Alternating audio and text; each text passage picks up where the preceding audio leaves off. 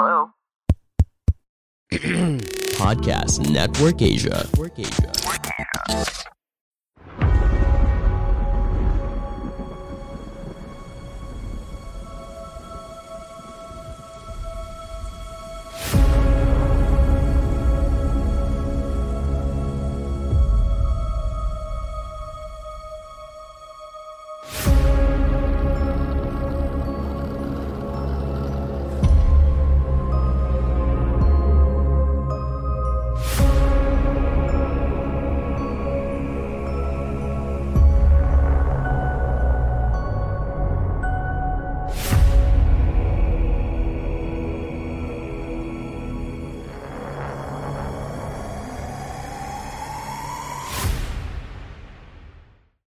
Halo semuanya, selamat datang teman-teman di podcast dengerin horor.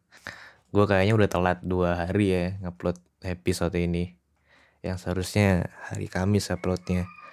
Dan mungkin ini gue baru rekaman hari ini, soalnya ada satu dua hal sih yang bikin gue upload terlambat mungkin satu dua hari. Yang mungkin bakal diupload Jumat atau Sabtu mungkin karena yang pertama adalah gue keasikan nonton Netflix. gue lagi lagi keasikan nonton Netflix yang serial judulnya yang judul serialnya Netflix. Eh bukan. Inventing Anna. Yang kalian tahu gak sih yang bangsawan Jerman yang berpura-pura menjadi bangsawan Jerman terus sampai nipu orang-orang terkenal sampai akhirnya di penjara gitu kan. Di satu sisi memang menipu ya emang menipu sih. Tapi gue mempelajari dari segi dia apa ya dari sisi positifnya gitu. Adalah sisi positifnya dari si Ana ini menurutku tuh dia dia tuh ada punya kemauan buat mm, buat apa ya mewujudkan apa yang dia pengen gitu kan sampai-sampai ya walaupun dia menghalalkan segala cara tapi ya keren aja sih menurut aku sampai teknik marketingnya bagus lah keren keren itu yang pertama. Yang kedua gue lagi isoman. Jadi isoman terus bingung ngapain Netflixan lah enak. Netflix isoman gue terus baru hari ini lumayan enakan gitu baik itu tenggorokan gua badan gua. Udah lumayan sehat lah. Jadi semoga teman-teman di luar sana ya tetap sehat-sehat lah sumpah. Jangan sampai kena virus beginian dah gak enak men. Gue ngerasain emang. Gue pikir gue ini gak bakal kena ya karena gue pertama udah udah vaksin dua kali gitu kan. Terus gue pikir ah udahlah udah aman banget ini eh tahunya pas gue balik dari luar kota kemarin eh kena anjrit aduh ya udahlah gue meriang-meriang habis itu Oke deh ya, kita kita kita nggak bakal bercerita lebih panjang lebar lagi kali ya. Kita bakal bercerita tentang cerita yang horor yang bakal kita bahas kali ini dari akun Twitter @sarangdemit. yang berjudul Kualat Tol Cipularang. Cipularang.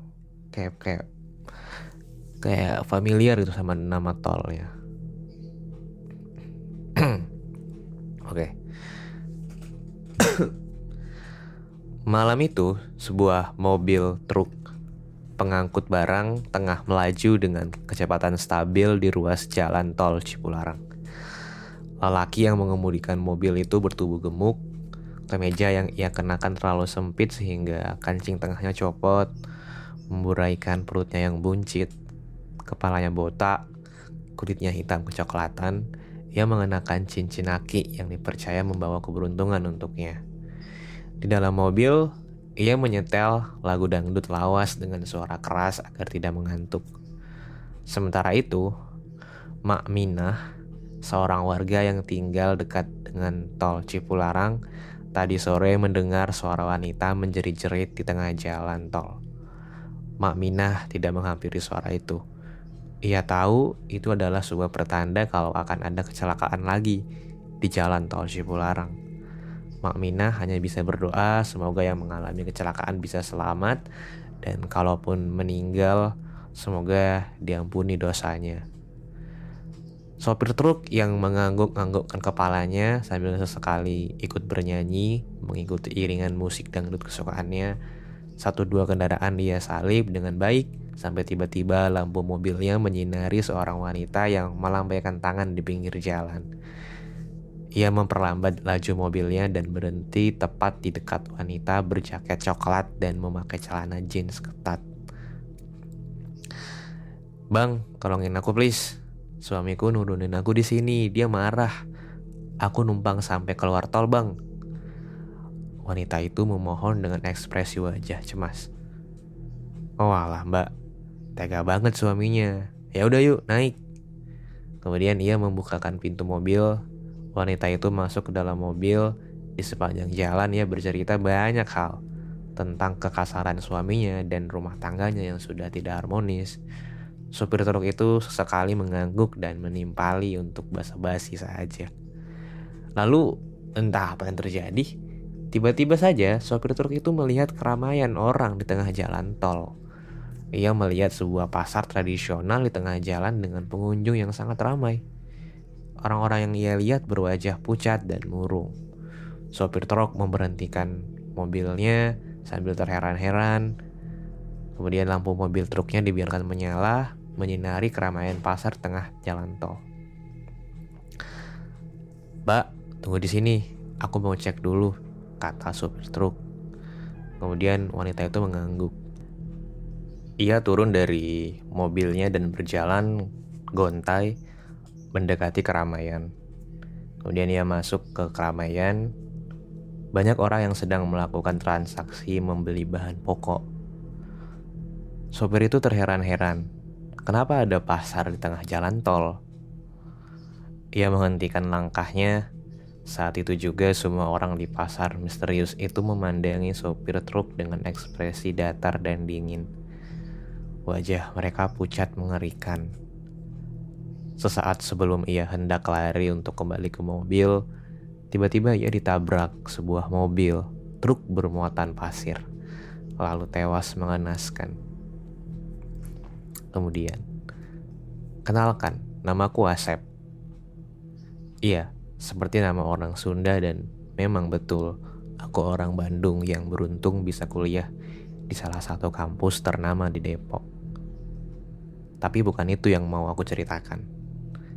Oh berarti ini ini tadi udah ya mas, eh, maksudnya ini udah ya guys ya cerita tentang um, yang tadi ada mau sopir truk udah tewas kemudian berpindah ke Asep nih. Asep Asep pengen cerita tentang jalan tol Cipularang dan kematian teman-temannya ah teman-temannya ini namanya Bram Mary John dan Dian. Mereka mati satu persatu dengan sangat mengenaskan. Dan kematian mereka ada kaitannya dengan tol Cipularang. Kami kualat. Oh iya, sebelum aku cerita lebih jauh, tadi pagi aku juga baca sebuah berita kecelakaan mobil truk di tol Cipularang. Sopirnya tewas dengan mengenaskan. Aku semakin yakin kalau tol Cipularang itu angker dan kita harus sopan kalau mau melintasi tol itu.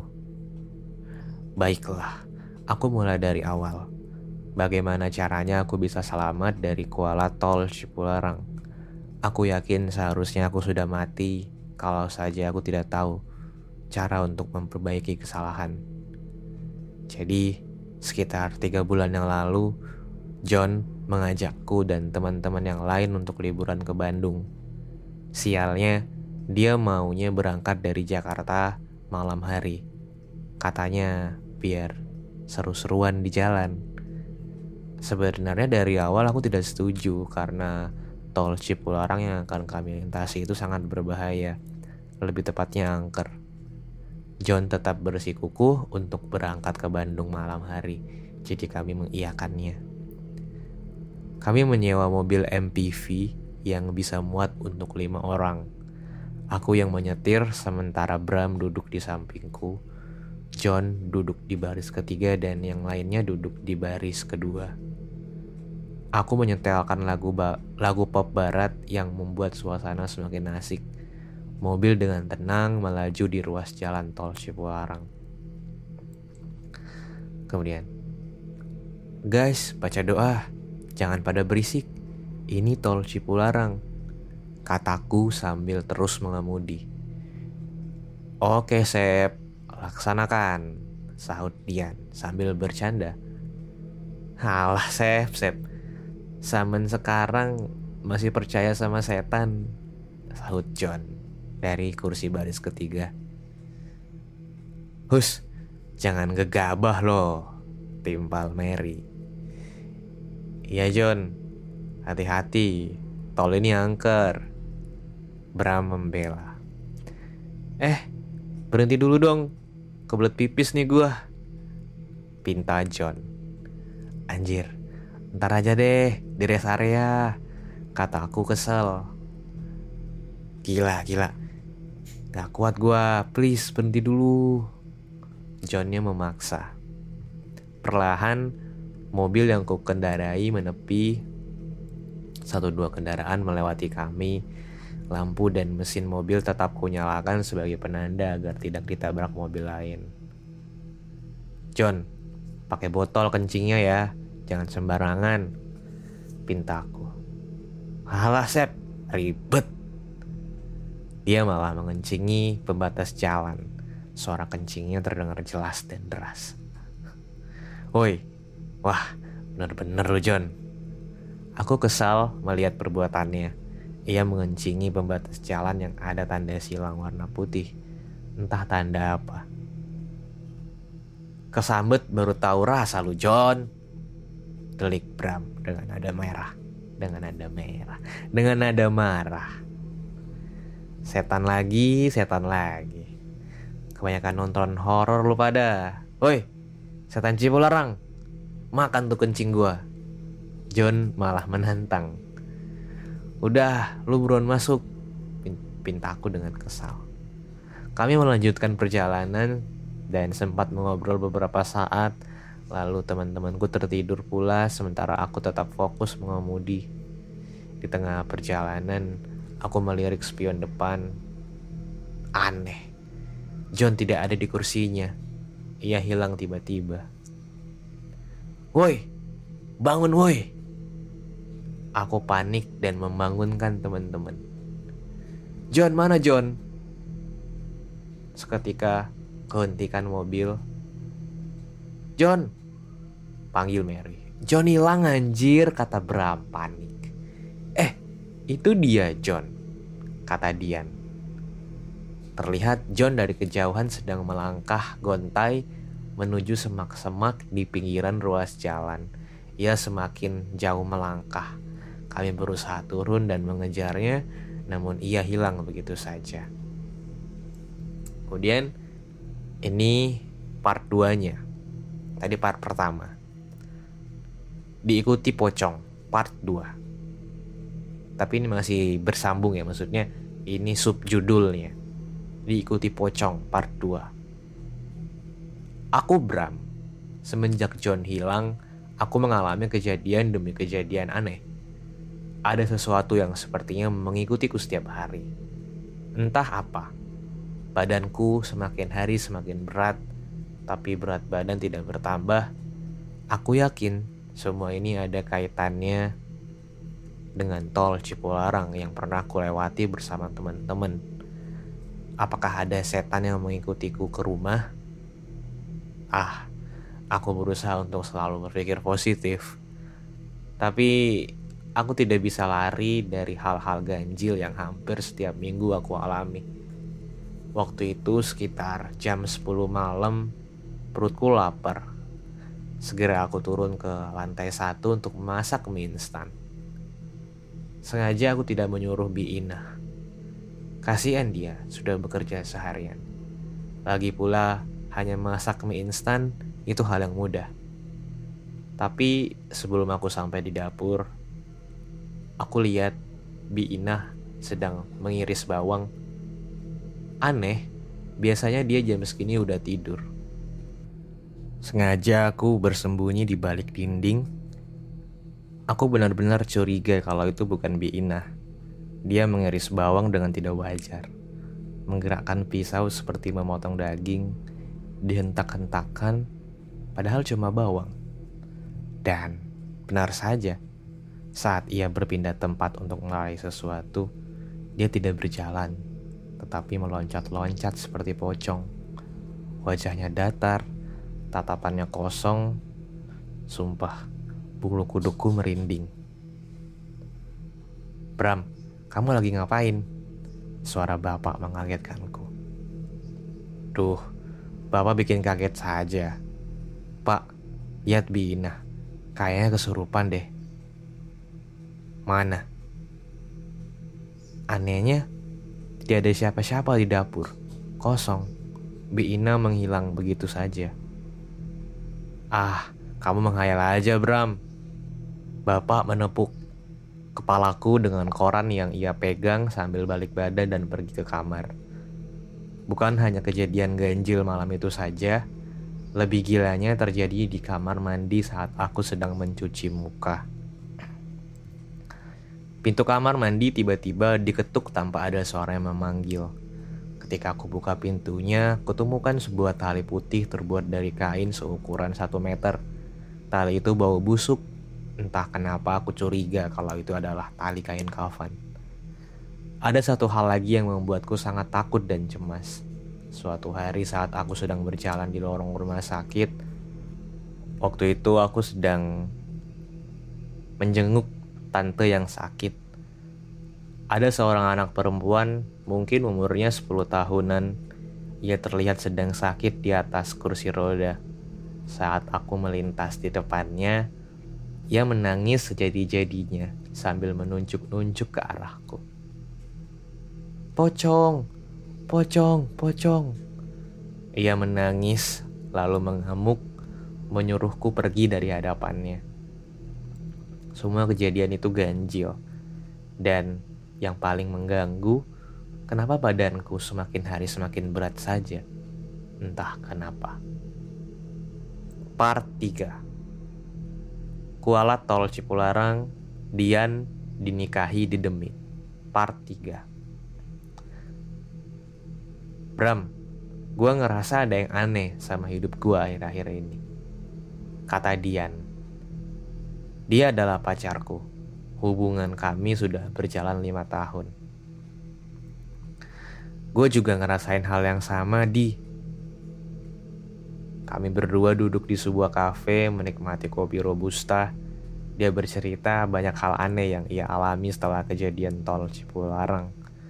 Katanya suatu malam saat dia hendak tidur, ada seseorang yang bersiul di kamarnya. Dia coba mematikan lampu dan memejamkan mata, tapi suara siul itu datang lagi. Gua ngerasa ada yang ngikutin gua. Tambah Dian sambil menyeruput kopinya. Sama, jawabku singkat. Aku menarik nafas berat. Gua ngerasa diikutin pocong. Gua nemuin tali kain kafan di rumah. Tambahku. Serius lu Bram? Iya, bener. Ada yang gak beres. Lu tahu hal gila yang gua alami baru kemarin? Gua kan selfie di kamar sendiri nih. Nih, terus lu lihat deh hasil fotonya. Ia menyodorkan smartphone-nya. Aku melihat ada Sosok lelaki dengan wajah samar dan rambut gondrong di foto itu. Hapus di, udah gak bener nih kita. Pasti gara-gara kejadian di tol Cipularang. Aku berdecak kesal, bulu kudukku merinding. Di perjalanan pulang, aku dan Dian tidak mengobrol. Kami sama-sama bingung tentang apa yang sedang terjadi pada hidup kami. Tatapan Dian kosong ke arah jalan sedangkan aku fokus mengemudikan mobil. Mobil yang aku kendarai melintasi perumahan elit yang sepi. hanya ada pohon-pohon beringin yang berjejer di sepanjang jalan. Tidak ada satu kendaraan pun melintas di komplek ini. Tiba-tiba saja, ekor mataku melihat tiga orang perempuan berpakaian kebaya, sarung kain batik, dan konde. Mereka memandangi ke arahku dengan tatapan ta tatapan tajam.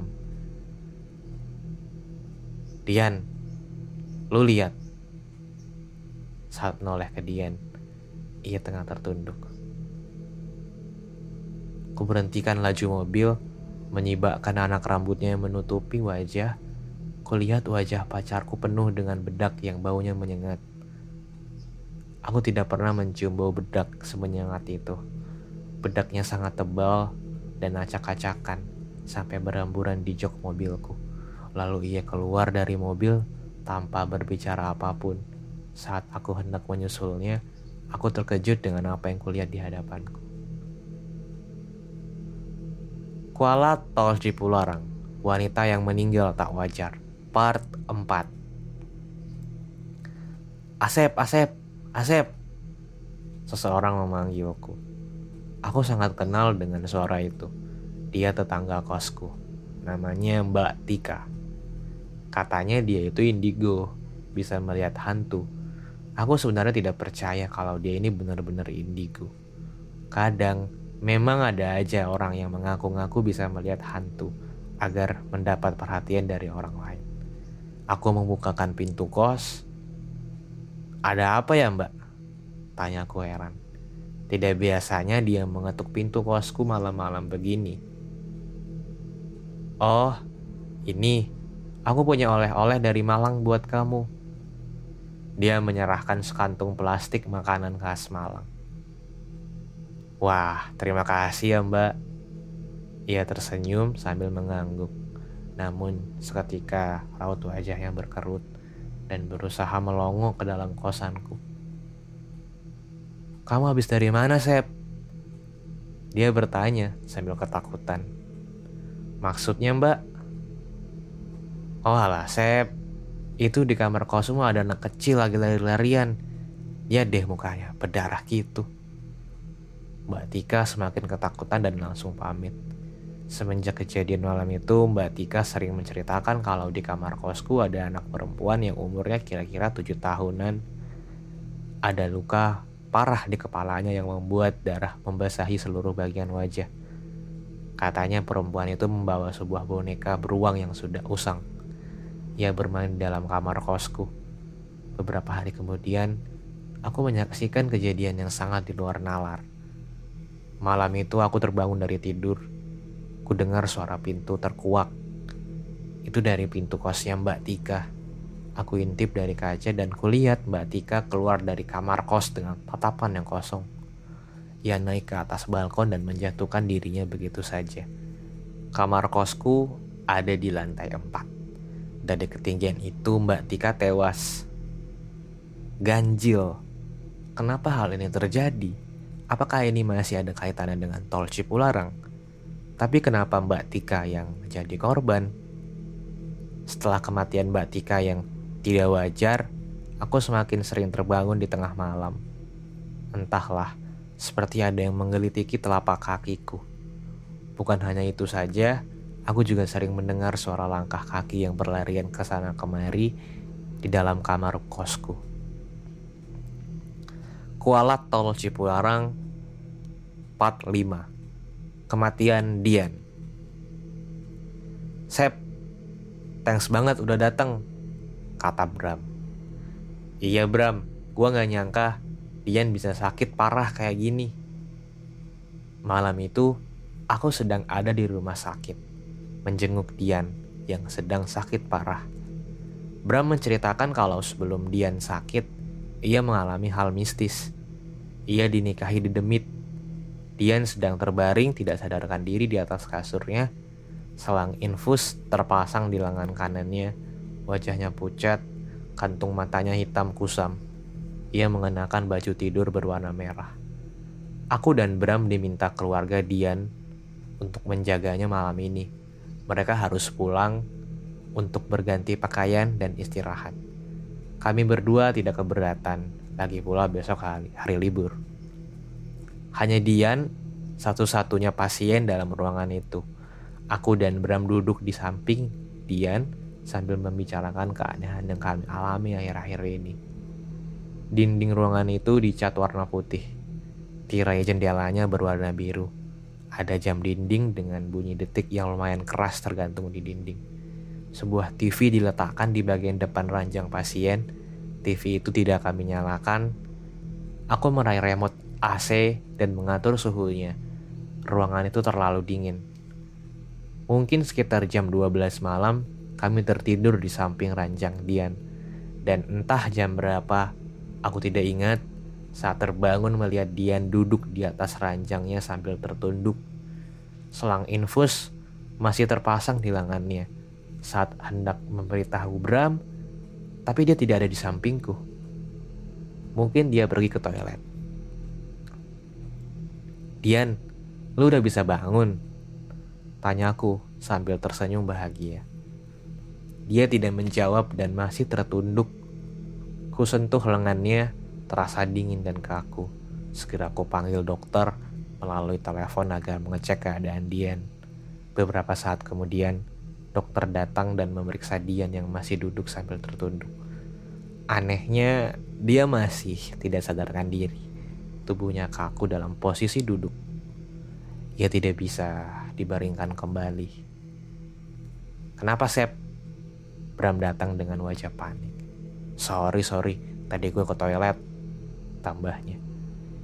Dian gak bisa dibaringkan, Bram. Ucapku. Anjir, apa lagi sih ini? Bram berdecak kesal. Dokter pun heran. Baru kali ini dia menemukan pasien yang tubuhnya kaku dalam posisi duduk seperti sudah disemen tidak dapat dibaringkan lagi. Bahkan keesokan harinya, tubuh Dian masih dalam posisi duduk sambil tertunduk.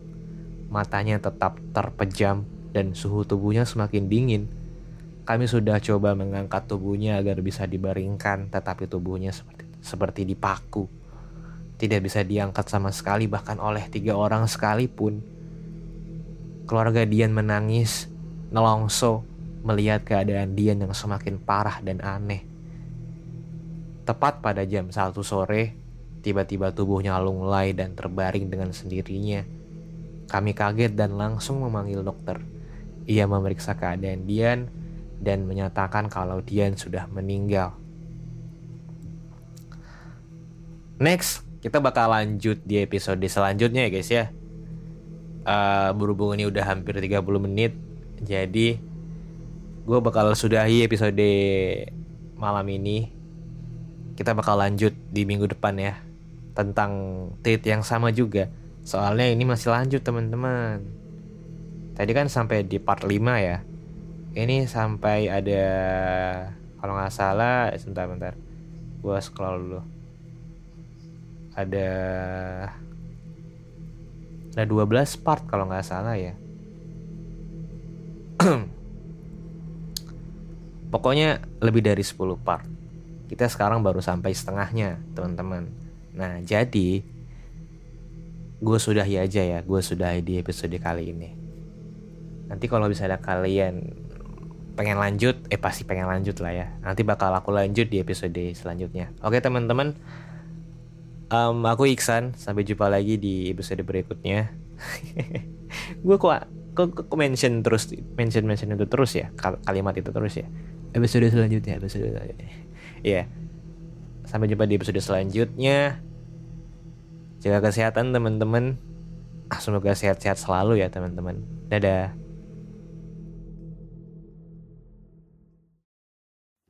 Pandangan dan opini yang disampaikan oleh kreator podcast, host, dan tamu tidak mencerminkan kebijakan resmi dan bagian dari podcast Network Asia. Setiap konten yang disampaikan mereka di dalam podcast adalah opini mereka sendiri dan tidak bermaksud untuk merugikan agama, grup etnik, perkumpulan, organisasi, perusahaan, perorangan, atau siapa pun dan apa pun.